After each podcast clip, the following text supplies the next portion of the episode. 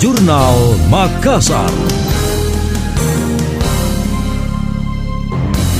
Saya Emil Faris dalam Jurnal Makassar. Badan Pendapatan Daerah Bapenda mencatat realisasi penerimaan pajak hingga Oktober 2021 sebesar 700 miliar lebih. Serapan pajak naik hingga 30 miliar jika dibandingkan periode yang sama tahun sebelumnya. PLT Kepala Bapenda Makassar Firman Pagara mengatakan penyumbang terbesar dari realisasi ini berasal dari pajak bumi dan bangunan PBB. Jumlah realisasi pajak pada sektor ini telah mencapai 170 miliar. Disusul sektor bea perolehan hak atas tanah dan dan Bangunan BPHTB. Kontribusinya telah mencapai 166 miliar. Pemkot Makassar menargetkan PAD dari seluruh sektor pajak daerah tahun 2021 sebesar 1,3 triliun rupiah. Adapun sumber pajak tersebut yakni pajak perhotelan, pajak reklame, pajak restoran, pajak sarang burung walet, BPHTB, PPB, pajak hiburan, pajak parkir, dan pajak lampu jalan. Sebelumnya Wali Kota Dani Pomanto menyebut kondisi keuangan pemerintah pemerintahan mulai membaik pasca dilakukan resetting atau pergantian pimpinan OPD. PD sejak pergantian ini cukup bagus. Contohnya pada saat sebelum Pak Firman itu hanya 400 miliar, sekarang sudah 700 miliar. Hanya belum satu ya satu bulan lah ada pertambahan 300 miliar.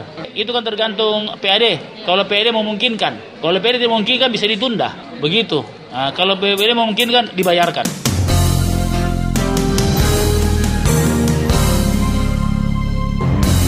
Wali Kota Dani Pomanto sempat menanggapi terjadinya tunggakan pembayaran TPP bagi ASN hingga tiga bulan lamanya. Salah satu penyebab penerimaan pajak pemerintah yang menurun. Dalam pandangannya, pencairan dan besaran tergantung kemampuan keuangan daerah. Anda masih mendengarkan Jurnal Makassar dari Radio Smart FM.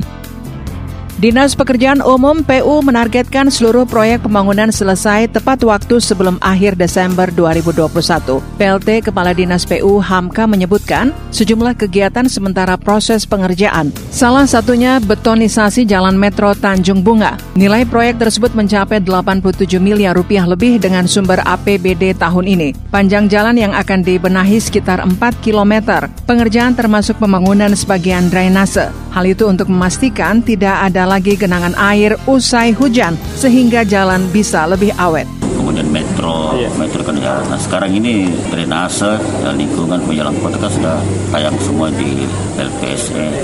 Per tahun bisa kita kita berharap sebenarnya ini yang dilelang ini bisa selesai akhir tahun. Kalau paling kalau kayak jalan sebentar kalau jalan. Iya.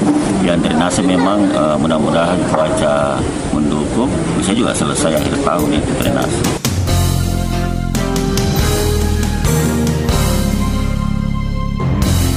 Hamka juga menanggapi minimnya penyerapan anggaran di Dinas PU. Tercatat kinerjanya baru 20 persen, terendah kedua di antara seluruh OPD pemerintahan. Penyebabnya adanya penyesuaian anggaran dengan RPJMD 2021 sampai 2026. Pihaknya meyakini bisa mengejar target realisasi hingga 90 persen di akhir 2021.